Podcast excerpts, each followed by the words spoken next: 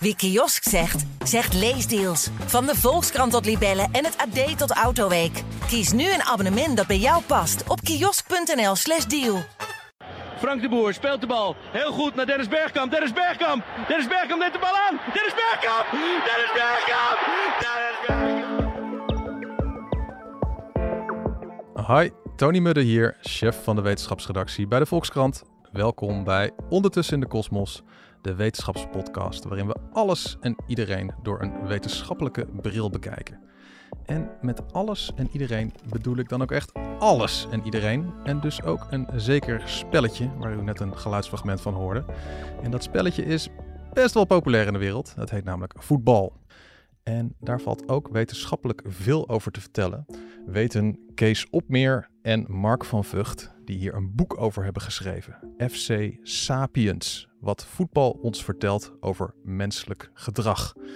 Nou, uh, van die twee namen die ik net noemde, zit er één tegenover me. Dat is Mark van Vught, hoogleraar evolutionaire psychologie. En om even te beschrijven, hij zit hier tegenover me, de hoogleraar, in een soort voetbalshirt met een logo op zijn borst. Dus uh, jij houdt duidelijk van voetbal, Mark. Uh, vertel eens, wat heb je eigenlijk met voetbal?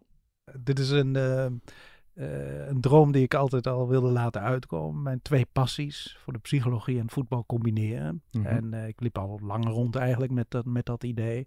Ik ben zelf een uh, actief voetballer geweest, 50 jaar lang op velden in Nederland, Engeland en, en waar ik ook maar woonde en verbleef. 50 jaar lang gevoetbald, ja. 50, ja. ja. ja. Ik ben 55 nu. ja, ja oké. Okay. Ja, ja, ja. Um, en ja, dat heeft mij zoveel bezorgd, ook zoveel inzichten in het menselijk gedrag, uh, dat ik die connectie toch wel eens wilde maken. En toen uh, kwam ik toevallig Kees tegen, die met hetzelfde idee rondliep uh, als schrijver. Mm -hmm. En hij contacteerde mij en toen zijn we eigenlijk gaan praten. En FC Sapiens is de uitkomst daarvan. Ja, dus voetbal door een evolutionaire bril. Ja, laten we eens, ja, ik weet niet of we dan helemaal teruggaan tot de oertijd, maar, maar dat spelletje voetbal, hè, hoe is dat ooit tot ons gekomen? Weet je dat? Kijk, even misverstand uit de weg uh, ja. ruimen. De oermens voetbalde waarschijnlijk niet. Nee. Dat is het niet. Maar voetbal is wel een manier om onze oeroude instincten, die wij hebben als jager-verzamelaars, om die op een bepaalde manier te uiten. En dat zijn eigenlijk twee hele belangrijke instincten. Het jachtinstinct, het jagen, mm -hmm. en het strijden, het vechten, het oorlogje voeren. En dat komt eigenlijk samen in het voetbal. Um, dat betekent niet dat de oermens voetbalde. Er zijn ja. natuurlijk wel jager-verzamelaarsstammen die ook hè, wat we noemen teamgames uh, doen. Um, maar uh, als je kijkt naar de echte oorsprong van het, het spel zelf, dan vind je dat eigenlijk terug sinds, nou ja, geschreven teksten 2.000, 3.000 jaar geleden. In China is er een versie van. Mm -hmm. In Rome was er een versie van. Hè.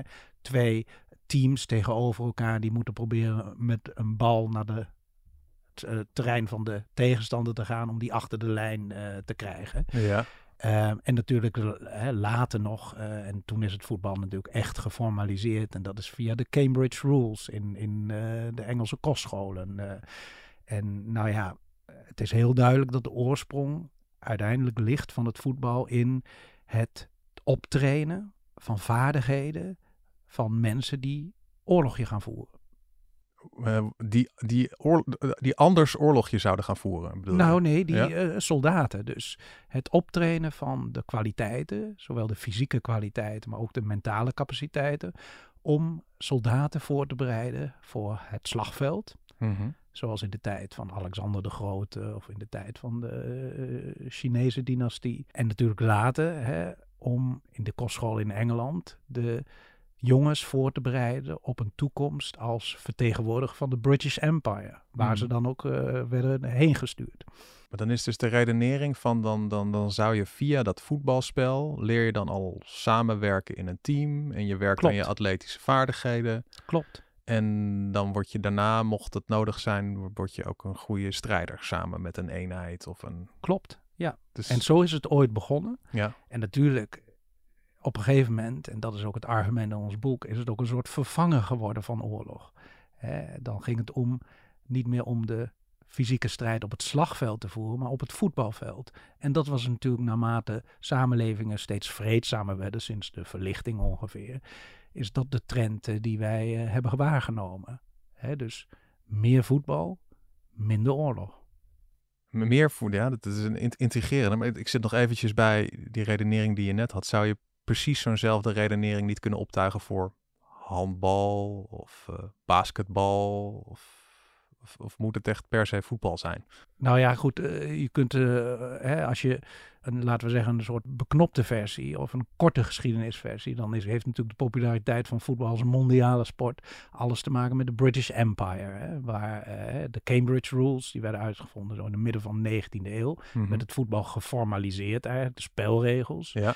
En waarom het zich heeft verspreid mondiaal, dat komt natuurlijk ook omdat de British Empire overal ter wereld aanwezig was. Precies, ja. Maar er zit natuurlijk ook nog een, ja, een lange geschiedenisverhaal uh, achter. Dan ben ik even de draad kwijt trouwens. Nou ja, ik, wat ik me gewoon afvroeg van, van wat je net zei, zo van... Uh, dat dus voetbal dan ah, helpt, voetbal? mannen, mannen helpt om als team samen te werken, aan hun atletische vaardigheden te werken. En dat dat eigenlijk ook een soort training is voor, nou ja, als er dan strijd komt, dan sta je klaar met je ploeg Ja. en dan kan je al goed samenwerken. En dat het een soort, ja, bijna een soort sportachtige manier van oorlogje spelen is. Dacht van ja, zou je zo'nzelfde redenering niet kunnen optuigen voor handbal, basketbal? Ja.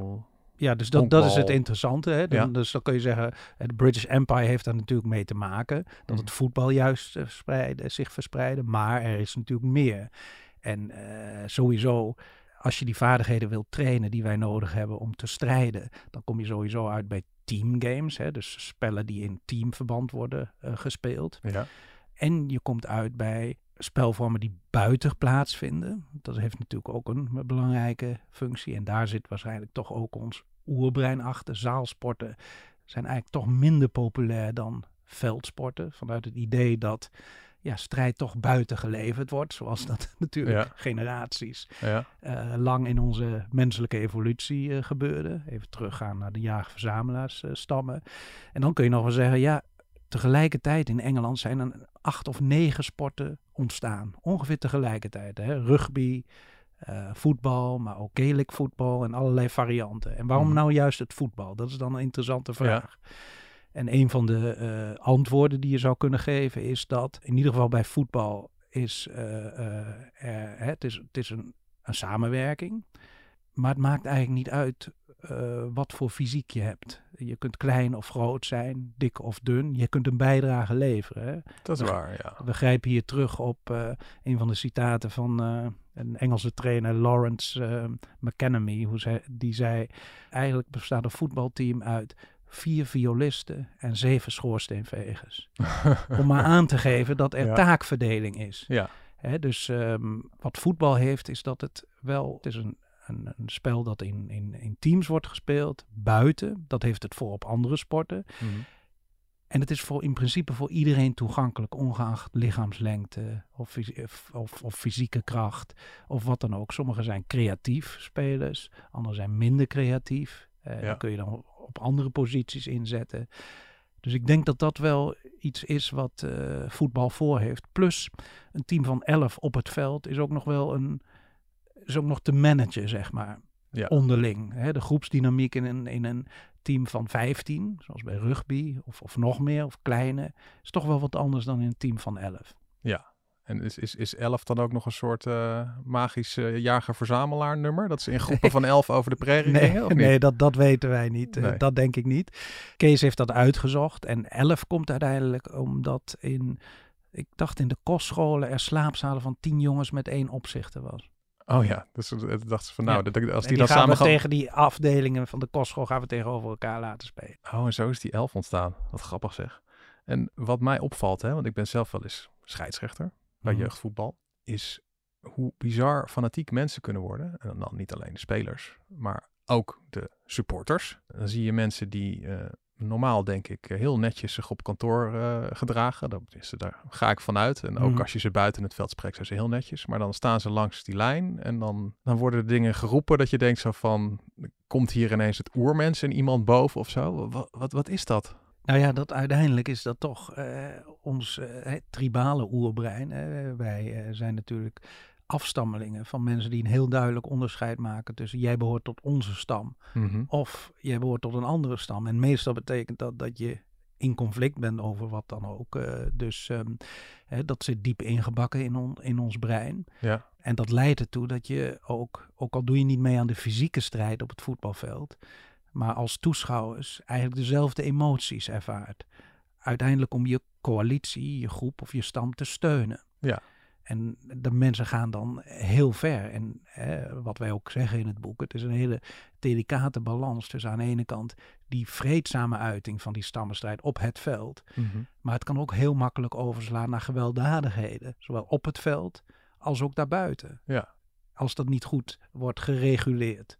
En dus zie je eigenlijk dat ehm, ja, mensen ontzettend fanatiek worden, grenzen overschrijden die ze normaal niet in hun eh, kantoortuinen of Ja. thuis, eh, thuis eh, doen. Eh, en ja, op het, op het voetbalveld of de voetbaltribune komen die dan tot uiting. Want je je noemt ook in je boek één onderzoek dat ik denk van gaat dat zo ver joh, dat je dus, nou, je kan het zelf denk ik het Ja. beste vertellen. Ja, dat is een onderzoek een aantal jaar geleden gepubliceerd. Dat was op een Engelse campus in Noord-Engeland. Mhm. Ehm, en ik dacht dat die campus in de buurt van Liverpool was. Dus er waren redelijk wat Liverpool supporters onder de studenten. Ehm, en wat ze hadden gedaan, de onderzoekers, eh, ze hadden op de campus een soort ongeluk in scène gezet. Waarin iemand eh, zijn enkel verstuikt of ja, iets ergens. En, en hè, dus een blessure had en om hulp vroeg. Mhm. En dan was de vraag, wie gaat er nou helpen? Ja.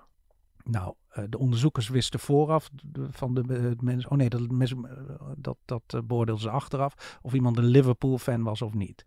En diegene die die blessure fakte... Want Ja. was geen echte blessure... Die had een eh, Manchester United shirt aan. Ja. Of, of een neutraal shirt, geen voetbaltricot. ja. En voor een Liverpool fan is een Manchester United shirt zoiets als wat een Feyenoord shirt voor een Amster- Amsterdammer, voor een voor een Ajax, Ajax fan supporter is, Ja. ja. En eh, dus eh, zij onderzochten of er hulp werd geboden aan die persoon die ofwel een Manchester United shirt droeg of een neutraal shirt. Mhm. Nou, en wat bleek uit de onderzoeken was dat er minder hulp geboden werd als die jongen een Manchester United shirt droeg. En dan met name door mensen die zich later identificeerden als Liverpool supporter. Maar dat is, dat is toch heel ernstig. ik bedoel, je, Ja, nou ja, zover je, bent, het. je bent gewoon buiten, buiten een voetbalveld. Je ziet dat iemand hulp nodig heeft. En Ja. omdat, en omdat hij dan een shirt aan heeft van een voetbalclub die op Ja. dat moment helemaal niet speelt. En waar niks mee aan de hand is. d- loop je er langs in plaats van dat je gaat Ja, je kan de beelden zelf op YouTube opzoeken van. Ik geloof dat het Feyenoord-fans waren die ergens. eh, hun club moest ergens voetballen in het buitenland. En er liep toevallig een buitenlander met een Ajax-shirt. Mhm.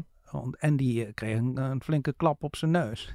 Wat zou je dan kunnen zeggen dat voetbal, dat zeggen ze altijd, hè? voetbal verbroedert, hoor je wel eens. Maar je zegt ook, hoor je ook wel eens, voetbal is oorlog. Wat, Ja, wat denk jij, wat is het nou? Nou ja, het is, het is, het is beide. Ja. Wat, wat voetbal dus eh, doet, is het is een enorm bindmiddel binnen een groep om mensen allemaal dezelfde kant op te krijgen. Mhm.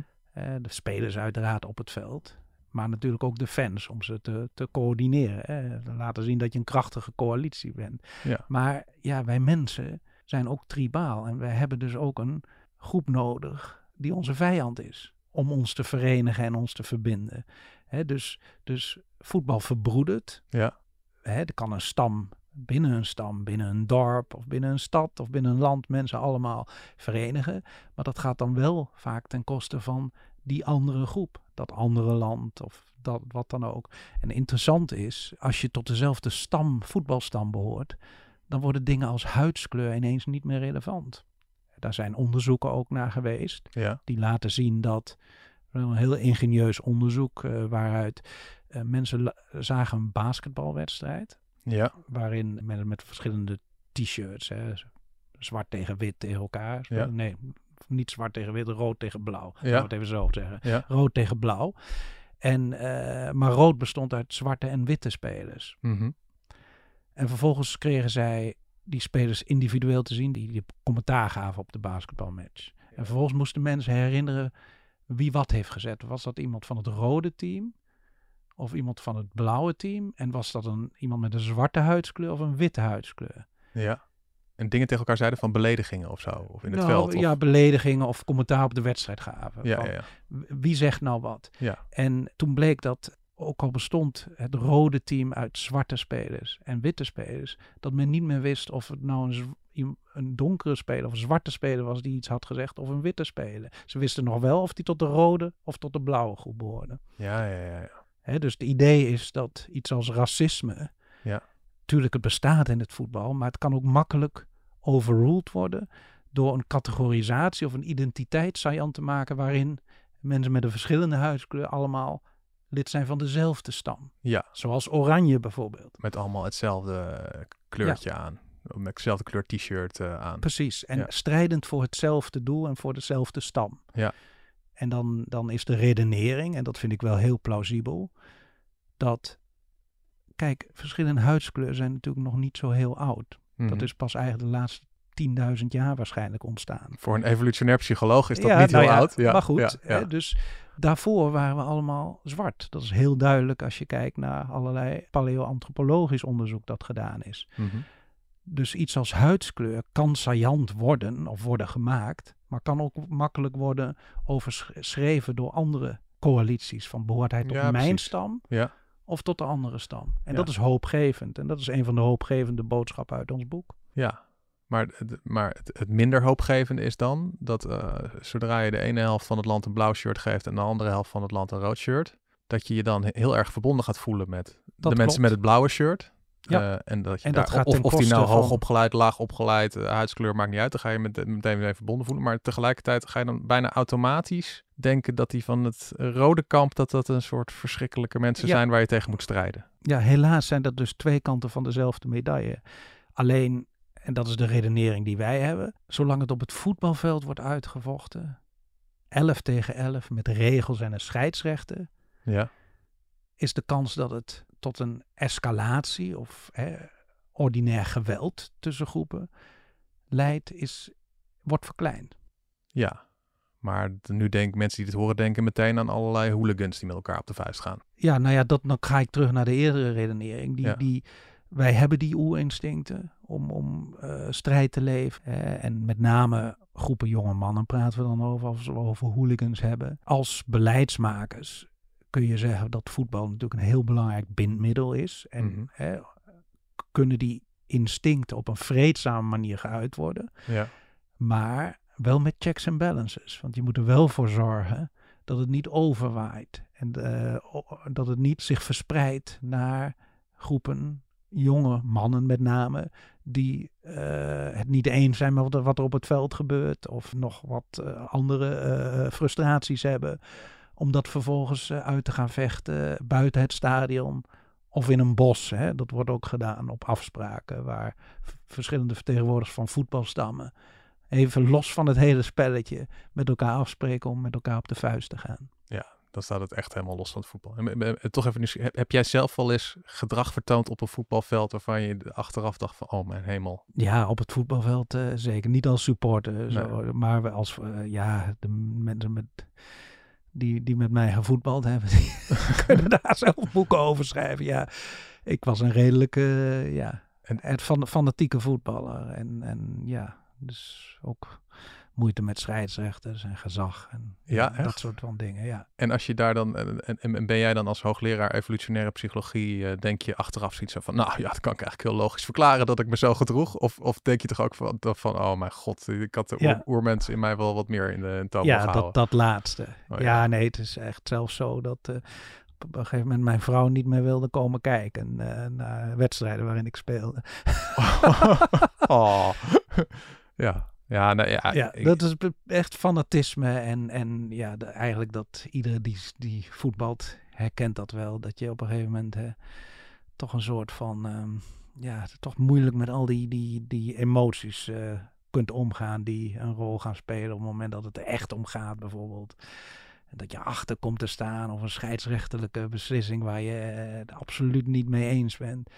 Ja, dit boek heeft mij dat ook wel geleerd. Een, een soort spiegel voorgehouden, ja. Ja, ja ik, ik, ik, ik had ook een oude, oud teamgenoot van mij die zei wel eens van ja, zodra ik zo'n voetbalstadion inga, dan, dan schuift de komma van mijn IQ zo vloep eentje naar links, zeg maar. Zo, zodra ik die poort doorga. Prachtig. Ja, Ja, ja. ja. nou, we hadden het net over, over de relatie tussen oorlog en voetbal. En ik las ook een passage in je boek waarin je schrijft dat nou, uh, iemand die nogal veel met oorlog had, Adolf Hitler, die had helemaal niks met voetbal. Hoe kan dat dan? Ja, dat is heel uh, interessant. Dus je zou kunnen beredeneren dat politieke leiders mm graag het voetbal inzetten als propagandamiddel. Omdat ja. dat een bepaalde eenheid in een land kan geven. Maar... Zo van, kijk eens hoe, hoe, goed wij als land zijn. We zijn beter dan de rest. Ja, en, En, en natuurlijk de neuzen van al die duizenden supporters dezelfde richting op krijgen. En een positief gevoel krijgen. En en hè, dus, dus echt, ja, laten we zeggen, dominantie via voetbal bereiken. Alleen, het probleem is dat je niet altijd het resultaat kunt controleren. een wedstrijd die uh, Goebbels en Hitler organiseerden, want die wilden ook in Berlijn. En Goebbels, de, grote, de grote propagandaman van Hitler. De propagandaman dacht van, hé, hey, eigenlijk zijn mensen meer geïnteresseerd in voetbal dan in die oorlog die we aan het voeren zijn. Dit was tijdens de Tweede Wereldoorlog. Dus ze dachten, hé, hey, zou het niet goed zijn om een wedstrijd te organiseren? Hè? Uh, Olympisch Stadion, Berlijn, honderdduizenden mensen. Mhm. En we nodigen dan een land uit waar we zeker van kunnen winnen. Zweden. Neutraal hè, in de oorlog. Ja. Nou, Zweden kwam met een team. Ja. Uitslag, Zweden wint van Duitsland. Toen dachten ze, nee, dit is geen goede manier om, om, om, om mensen te binden. Want een, ja, een voetbaluitslag is in principe onvoorspelbaar. En hoe groot je land ook is, hoe machtig je land ook is, uiteindelijk is het wel 11 tegen 11. Met een scheidsrechter, dat zijn de regels. Ja. Dus je kunt misschien beter als machtig land dan oorlog gaan voeren dan gaan voetballen. Nog even een heel ander onderwerp. Iets van, nou ja, toch uh, redelijk recent. Want uh, weet je wat op dit moment de snelst groeiende sport in Nederland is? Uh, ja, nou ja, dat is toch het vrouwenvoetbal. Vrouwenvoetbal, inderdaad. En hoe kijkt een evolutionair psycholoog daarnaar? Ja, ik, ik vind dat een enorm positieve ontwikkeling spel en sport is natuurlijk heel belangrijk voor de socialisatie van, uh, van, van kinderen. Mm zoals het bij alle diersoorten eigenlijk het geval is. Uh, of niet alle. Sociale diersoorten. Daar is spel een manier om nieuwe vaardigheden te ontwikkelen die je later goed kunt gebruiken. Mm dus door meisjes te laten voetballen, leren ze ook zaken aan die ze in hun latere leven, bijvoorbeeld in hun werk, goed kunnen gebruiken. het samenwerken met elkaar, het onderkennen dat er een hiërarchie is. Sommige mensen zijn iets beter in dat, anderen zijn iets beter in iets anders. Dus ik vind dat een hele positieve ontwikkeling. En wat ook positief is, dat het eh, vrouwenvoetbal toch ook als supporter op een wat andere manier wordt beleefd heb ik het idee. Er zijn ook wel wat data, maar nog niet zo heel veel over. Maar het zijn uh, met name uh, families die bijvoorbeeld stadions bezoeken waar vrouwen tegen elkaar voetballen. De sfeer is gemoedelijker. Er is wel heel veel support en enthousiasme. Mm Dat hebben we ook gezien toen Oranje, de Oranje Leeuwinnen, het EK wonnen. Mhm. Maar het is niet zozeer gekoppeld aan vijanddenken en niet zo tribalistisch. En hoe kan dat dan als je dat evolutionair psychologisch bekijkt? Want dat was toch het, het hele ding waarom we voetbalden. Ja, nou ja, maar goed, als je ervan uitgaat dat het voor mannen een voorbereiding op oorlog was. Mhm. En dan kun je ook beredeneren dat het voor mannen met name makkelijker overslaat in een escalatie van geweld, zowel op het veld als daarbuiten. Ja. En het vrouwenvoetbal heeft, dat, uh, heeft dat toch niet het appelleert aan andere oerbehoeften in die zin dan het mannenvoetbal. En dat lijkt mij een hele gezonde ontwikkeling. En misschien moeten we dat als supporters maar meer omarmen. Dat er ook op andere manieren het mooie spel kan worden gespeeld. Zonder die hele sterke tribale neigingen te activeren. Ja, dat, uh, ik, ik, heb, ik heb zelf een, een, dochter die voetbalt. En we gaan ook wel eens kijken bij, uh, bij damesvoetbal, de Oranje Leeuwinnen en zo. Mhm. En het is inderdaad wel een radicaal andere sfeer uh, langs de lijn en uh, in het publiek. Ja. ja. Nou ja, een collega van mij heeft dat ook onderzocht. Die heeft vrouwenvoetbalwedstrijden of meisjesvoetbalwedstrijden vergeleken met jongensvoetbalwedstrijden. En een van de uitkomsten van zijn onderzoek was dat bijvoorbeeld meisjes die zien dat er een speler geblesseerd raakt van de tegenpartij, zijn eerder geneigd die te helpen, bijvoorbeeld bij het opstaan. Oh ja, ja. Zoals het hoort eigenlijk, toch? Zoals het hoort, ja. Ja, precies. Ja. Dit was Ondertussen in de Kosmos, de podcast van de wetenschapsredactie van de Volkskrant. Grote dank aan mijn gast van vandaag, Mark van Vught, hoogleraar evolutionaire psychologie en auteur van het boek FC Sapiens. Mijn naam is Tony Mudde. We zijn er de volgende keer weer met een geheel nieuw onderwerp. Ik hoop u dan weer uh, te zien, wou ik zeggen, maar te, te, te horen aan de andere kant van de microfoon. Dag!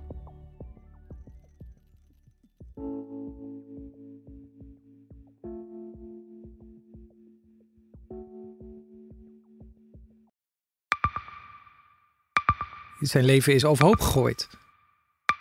Plus dat heel veel mensen hem niet geloven. Vrienden niet, die, die denken, ja, hij is gewoon gek geworden. Hoe naar moet dat zijn? Als je vertelt over de meest indringende ervaringen uit jouw leven en niemand gelooft dat je het echt hebt meegemaakt. Ja, ik vind zelf niet dat ik het verzonnen heb, maar sommige mensen denken dat wel. Maar hoe kom je erachter of jij het doelwit bent van een geheime dienst? Ik heb ook wel eens meegemaakt dat je het idee hebt dat inlichtingendiensten in je geïnteresseerd zijn. En dan kun je wel heel veel zien, wat er misschien helemaal niet is. Als ik s'avonds nog iets ging eten, dan volgden die mensen mij naar het restaurant. En dan terug van het restaurant naar het hotel. Als zij op een gegeven moment zei, kijk maar uit, want anders word je dadelijk nog voert ook. Shit, ik moet hier weg. Dat is, dat is niet goed. Nu word ik gevolgd. Een soort Truman Show is het gewoon. Hè? Alsof dat hele straatbeeld voor jou is ingericht. Maar dan wel met bedoeling jou niet door te laten. Dit kan geen toeval zijn. Een nieuwe podcast van de Volkskrant. Mijn naam is Simone Eleveld en samen met Huid Modderkolk ontrafel ik een bizarre operatie van de geheime dienst. Wat het doel ook is, jij verliest het. Ik werd opgepakt, heel lang ondervraagd. Maar hoe krijg je grip in een wereld die zo onderzichtig is? Als je zou liegen, dan zou je niet de meest relevante informatie twee jaar later tussen neus en lippen doorvertellen. Er zal nooit iemand zeggen: Oké, Bart, ik geloof je. Nooit, nooit. Dit kan geen toeval zijn. Vanaf 3 oktober bij de Volkskrant. Ik weet niet of ik je ook alles kan vertellen. Het is echt te bizar. Wat? Um, ja.